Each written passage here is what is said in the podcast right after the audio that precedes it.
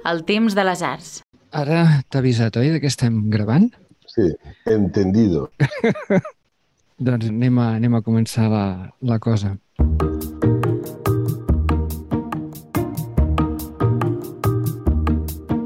Benvinguts a la tria setmanal del Temps de les Arts, un podcast on ampliem la informació d'alguns dels articles que han sortit darrerament a la nostra revista i que han tingut ressò o considerem rellevants. Avui tenim a l'autor d'Objet Trouvé, una obra d'art trobada a Cadaqués. Marc, per què no et presentes tu mateix? Molt bé, jo em dic Marc Arnal, sóc arquitecte, compagino la meva vida professional, el meu despatx, amb la docència, on sóc director acadèmic de l'Escola d'Arquitectura de la Sella Barcelona, Universitat Ramon Llull, i, a més a més, escric articles en la revista El Temps de les Arts, periòdicament, de tres setmanes un mes, on aquests articles parlo de la relació entre l'art i l'arquitectura. I, per tant, parlo d'artistes eh, que han fet d'arquitectes o arquitectes que treballen per artistes. I dintre, d'alguna manera, d'aquest cercle he presenciat un esdeveniment que podria dir-se artístic arquitectònic, que és el que eh, vull copsar en aquest article que comentes ha estat un dels articles més visitats a la nostra revista. Com va anar la gènesi de l'article? Ens ho pots explicar? I tant. Com tu comentes, estic estiuejant uns dies a, a Cadaqués, que és un poble ric i viu culturalment, on sempre succeeixen eh, infinitat d'esdeveniments de, artístics i culturals i això fa que sigui un poble excepcional, no? I sempre has d'estar atent de tot allò que succeeix. Però en aquest cas van avisar doncs, que havia una nedada lúdica el dia de lluna plena, que era el 12 d'agost, en una platja que realment hi ha molt poca contaminació lumínica, fer una activitat eh, 100% lúdica. M'hi vaig apuntar, com tantes coses que pots fer a l'estiu, diguem, per passar les vacances. I a l'arribar vaig quedar completament sorprès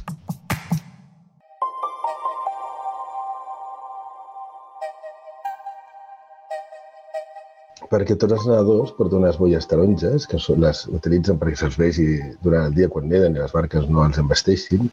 Cada una de les boies eh, portaven una, una llanterna, cosa que feia que es veiessin a la gró de la nit una sèrie de llums taronges desordenats i vaig presenciar, eh, amb la meva sorpresa, un espectacle d'una grandíssima bellesa.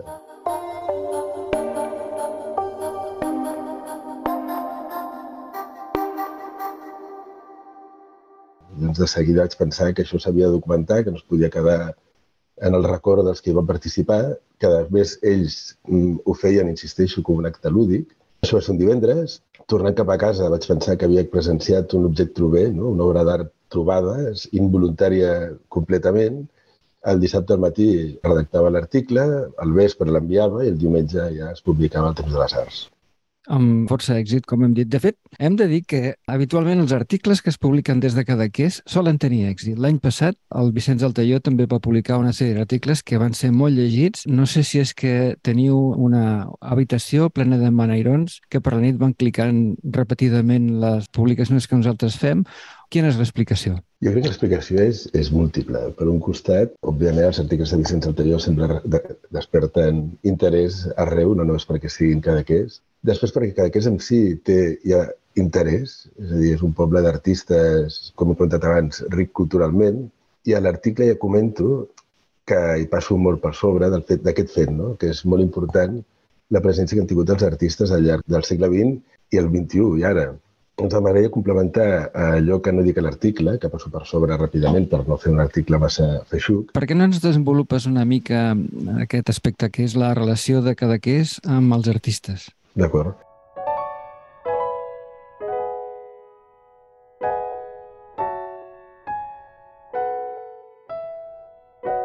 La relació ja ve de lluny i m'agradaria recalcar aquells artistes que van arribar ja a finals del segle XIX i principis del segle XX, que eren els artistes de Cavallet, que venien atrets diguem, pel paisatge i l'arquitectura de Cadaqués, que eren Eliseu Moixfrent, Rafael Llimona, Santiago Rossinyol, Ramon Casas, Miquel Utrillo, entre d'altres. A principis del segle XX, en 1911, eh, va passar una temporada relativament llarga, crec recordar tres mesos, a Pablo Picasso amb André Derain.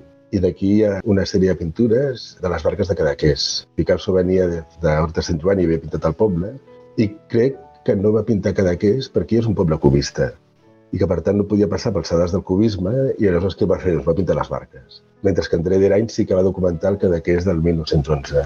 Poc després, estem parlant als anys 20, va arribar el grup dels surrealistes que venien a, diguem, de la mà de Salvador Dalí, que ja des de petit estiuejava aquí Cadaqués i que als anys 30 va portar doncs, a, a Federico García Lorca, Luis Buñuel, René Magritte, Max Ernst, Paul Eluard i, òbviament, a, a Gala. Potser és el grup més conegut, el, el més mediàtic, el que la gent relaciona més amb Cadaqués? Sens dubte, perquè a part de la potència de, del grup i diguem de, de la importància d'aquests personatges, també va fer que Salvador Dalí, a partir d'això dels anys 30, establís la seva residència habitual aquí a Prollegat, que és un, una abadia que pertany a Cadaqués. Doncs, ell va ser el catalitzador de molts altres artistes. O sigui, a partir dels anys 30, amb una interrupció durant la Segona Guerra Mundial, eh, aquesta va ser, fins a la seva mort, la seva casa. I per tant aquí molts artistes venien a retre i vassallatge. Però cal destacar que eh, a mitjans dels anys 50 va aparèixer a Cadaqués l'altre gran geni del segle XX, que seria Marcel Duchamp.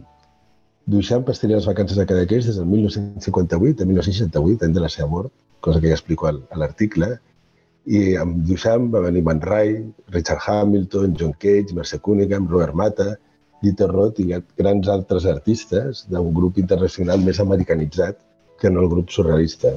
Coneixem els eh, motius pels quals Duchamp va venir a Cadaqués? La primera vegada que va venir Mercè Duchamp a Cadaqués va ser el 1933, precisament a, a visitar Dalí amb una sèrie d'artistes, com per exemple Mary Callery, que és una escultora americana, que l'any 61 es faria una casa a Cadaqués.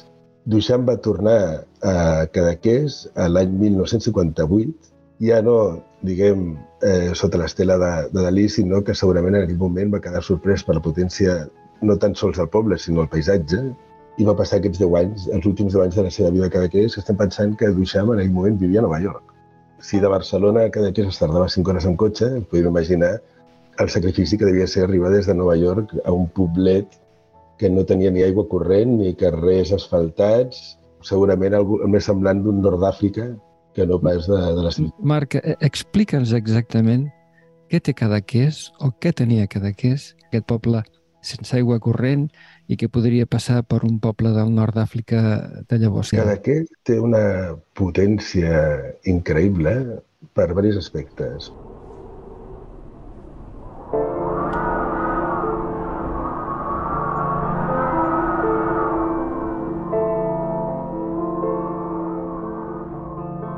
força de la natura. O sigui, aquí bufa la tramuntana amb molta potència, quan no bufa la tramuntana bufa el granal, el mestral, els vents són molt presents i fan que la llum sempre sigui canviant i sigui una llum molt atractiva. No hi ha dos dies amb una posta de sol semblants o iguals. El mar passa del, del blau més transparent al negre més fosc, passa per tota gamma de blaus i grisos. A més a més, això se li ha de sumar eh, la potència geològica del Cap de Creus, que és, és única, té una, morfologia amb les roques, que són totes cultures que crec que no les trobarem aquí al, al Cap de Creus. I després hi ha el, el poble. El poble és un poble humil, de pescadors i pagesos, que quan van arribar a gent 50 era un poble pràcticament abandonat, que havia patit eh, el despoblament radical a partir de l'enfiloxera el 1890 i que no s'havia recuperat perquè va patir la Guerra Civil, va patir eh, doncs el, el, el franquisme era un poble completament aïllat, el turisme no hi arribava perquè costava, com contractaven 5 hores arribar de Barcelona, i va haver un poble verge. Aquest poble dia d'avui, òbviament, ha crescut moltíssim, però conserva l'essència de la senzillesa, també gràcies a, a la intervenció d'arquitectes, dels quals he parlat diverses vegades a l'article, com poden ser Peter Hartmann o Franco Bombelli, que van entendre quina era la idiosincràsia del poble. I quan hi van treballar, van treballar des del respecte amb l'arquitectura vernacular, però amb la eh, visió de la modernitat que pertocava en aquell moment. Mm.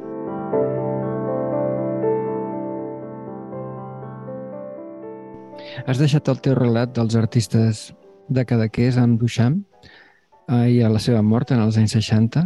Què ve després? Bé, el, contemporàniament i després també no hem d'oblidar que no, no només hem vingut artistes internacionals, sinó hem tingut artistes eh, d'àmbit nacional com podria ser Joan Josep Terrats, el qual ha escrit molt sobre Cadaqués, i és un artista que sempre se'l relacionarà amb, amb Cadaqués. Rafus Casamada, Xavier Corberó, Rafael Bartolozzi, Eduardo Bravo, i aquesta llista és una llista que arribaria mitjans dels anys 80 i crec que val la pena, ja que abans has citat els articles de, del Vicenç Altalló, eh, llegir o rellegir, perquè ja ho hagi fet, perquè és un article boníssim, eh, que es titula Cultiva la terra i l'art, una, una tarda de diumenge a Mocmalla. En aquest article, dedicat al galerista Mocmalla, que és l'hereu de la Galeria Cadaqués, de, de la Franco Belli, el Vicenç explica d'una manera, com no pot ser d'altra banda com fa ell, manera molt poètica els artistes que actualment hi venen i la llista realment és, és important i llarga. I... El Vicenç, per, la, per als oients que no estiguin al cas, va fer una sèrie d'articles l'any passat, l'any de la pesta, podríem dir, relacionats amb Cadaqués. Durant diverses setmanes consecutives, ell feia un article sobre Cadaqués, la gent que vivia, i van tenir, per cert, força èxit, força requesta. En, en Vicenç ve sovint a Cadaqués, oi? Sí, des del 1992 ell ve a estiuejar Cadaqués, però no estiueja, jo crec que ve pràcticament tots els caps de setmana que li permet l'agenda aquí, aquí a Cadaqués. I això que comentaves de l'any de la peste, de fet, mm. ell va, li va enganxar el confinament eh, inesperadament a Cadaqués. I, per tant, va aprofitar a escriure aquests articles setmanalment doncs, des de Cadaqués. I això, doncs, no, es, es, es nota i es transmet molt aquests articles.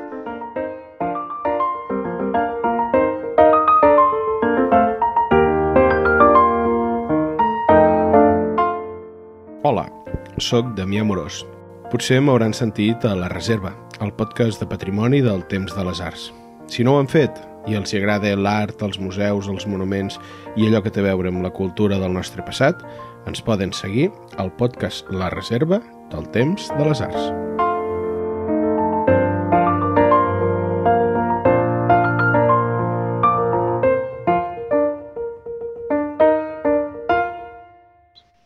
T'ha quedat alguna cosa al tinter per explicar? Sí, crec que eh, al final de l'article comento no, que eh, la sorpresa, no, i que encara per mi és una sorpresa aquest fet que considero que és artístic, de gran bellesa, i que estic segur que l'any vinent es tornarà a fer. En aquest cas ja no serà un objecte bé, sinó que serà, ja crec que un, una performance, un happening, i que penso que podria ser interessant i quasi, quasi podria ser una crida de que aquest esdeveniment tan senzill d'una nedada el dia lluna plena per la nit amb una llum a la boia es pogués extendre a altres punts de la mateixa costa de Cadaqués o fins i tot, per què no, de la costa catalana. Penso que seria un, bueno, una performance eh, visual i plàstica fantàstica. El que l'any vinent s'ha de fer és documentar-ho fotogràficament perquè quan em vaig trobar d'aquest espectacle i vaig demanar a alguns participants si podien facilitar fotos, no n'hi havia pràcticament. Més enllà de les que s'han penjat a l'article, no hi havia fotos. I pensava una foto aèrea d'aquest acte o re recollir-ho i documentar-ho fotogràficament és imprescindible, que és una de les coses que s'han de fer a la propera edició. Les fotos que de fet hem fet servir per l'article tenen alguna mancança, que, que és evident fins i tot el vídeo, però justifica la seva publicació per al valor documental, òbviament. Bé, moltes gràcies, Marc, per la col·laboració posant en context el teu article. Molt bé, gràcies a vosaltres. I ara anem a escoltar-ho amb locució d'Isidre Sánchez.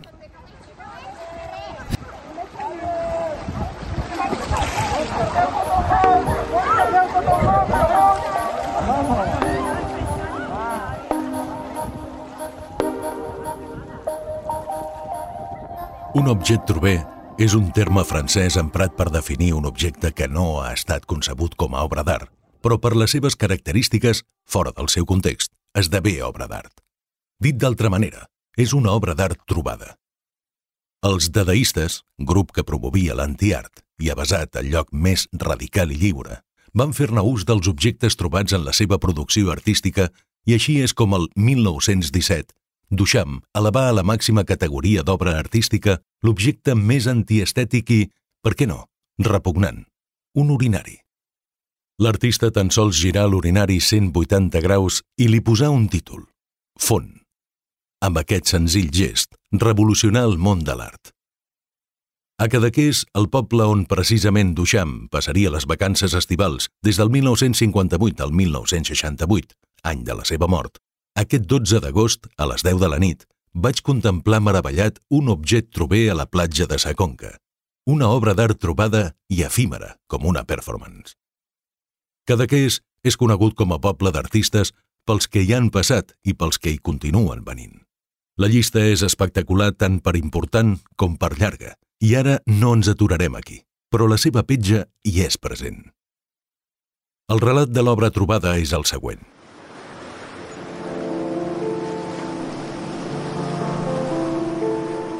Des de fa alguns anys, un grup de nedadors i nedadores es reuneix per fer una nedada nocturna sota la llum de la lluna plena a la platja de Sa Conca, darrere del Llaner, on els joves Dalí i Lorca es banyaven també de nit.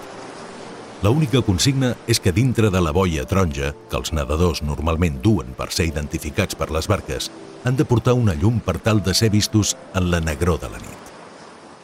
A les 22 hores, els nedadors i nedadores ja estaven preparats a la vora del mar esperant el moment per entrar. El cel era negre igual que el mar. La línia de l'horitzó havia desaparegut i el cel es fonia amb el mar. Tot negre, fins que la lluna plena sorgí del mar redibuixant de nou la línia de l'horitzó i dividint el negre del cel amb el negre del mar. Al meu parer, ningú millor que l'artista Francesc Ruiz Abad ha pintat aquesta imatge en una sèrie de quadres titulats Mar Negre. Es tracta d'unes pintures totalment negres, on l'artista, amb la pinzellada, aplica diferents textures i gruixos de pintura de manera que, quan la llum, sigui natural o artificial, les il·lumina, es creen uns reflexes que generen el mateix i espectacular efecte que fa la llum de la lluna plena sobre el mar. Aquestes pintures són més fidels a la realitat que les fotografies que il·lustren l'article. La sèrie Mar Negre estan exposades a la Galeria Cadaqués Duc Malla fins al 17 d'agost. No us les podeu perdre. La imatge resultant era espectacular. Una sèrie de llums taronges es movien desordenadament en un pla negre, el del mar, sota un altre pla negre, el del cel, seguint una línia de llum taronja vertical – la de la lluna plena naixent, en un indret sense la contaminació lumínica del poble. Les llums taronges dibuixaven en el negre figures arbitràries en moviment lent. Em recordaren el dibuix d'una partitura de John Cage, assidu de Cadaqués, qui exposà també en la Galeria Cadaqués en l'etapa de l'Anfranco Bombelli, o alguna de les obres de Pere Vallès, també molt vinculat a aquesta població empordanesa que dibuixa a partir del seu propi moviment en el territori. Cadaqués és el poble feliç de l'art de viure, on els seus habitants ens deleixen amb la joia estival moments d'art trobat i així esperem que la lluna plena de l'agost vinent, en el mar de Cadaqués, se'ns torni a regalar aquesta obra d'art que ja no serà un objecte trober, sinó una performance i qui sap si pot transcendir de la platja de Sa Conca per estendre's per diferents racons de la badia i del Cap de Creus. Estarem presents per documentar-ho, ja que aquesta ocasió hi ha una absència de fotografies que demostren que, pels participants, la nedada no té més pretensió ni transcendència que un divertiment d'estiu. Arran d'una estada de Federico García Lorca a la casa familiar que els Dalí tenien a tocar de la platja del Llaner, l'any 1925, el poeta va escriure en una carta a Ana María, la germana de Dalí. Pienso en Cadaqués. Me parece un paisaje eterno y actual, pero perfecto El horizonte sube construido como un gran acueducto. Los peces de plata salen a tomar la luna y tú te mojas las trenzas en el agua. Aquel es mi mar, Ana María.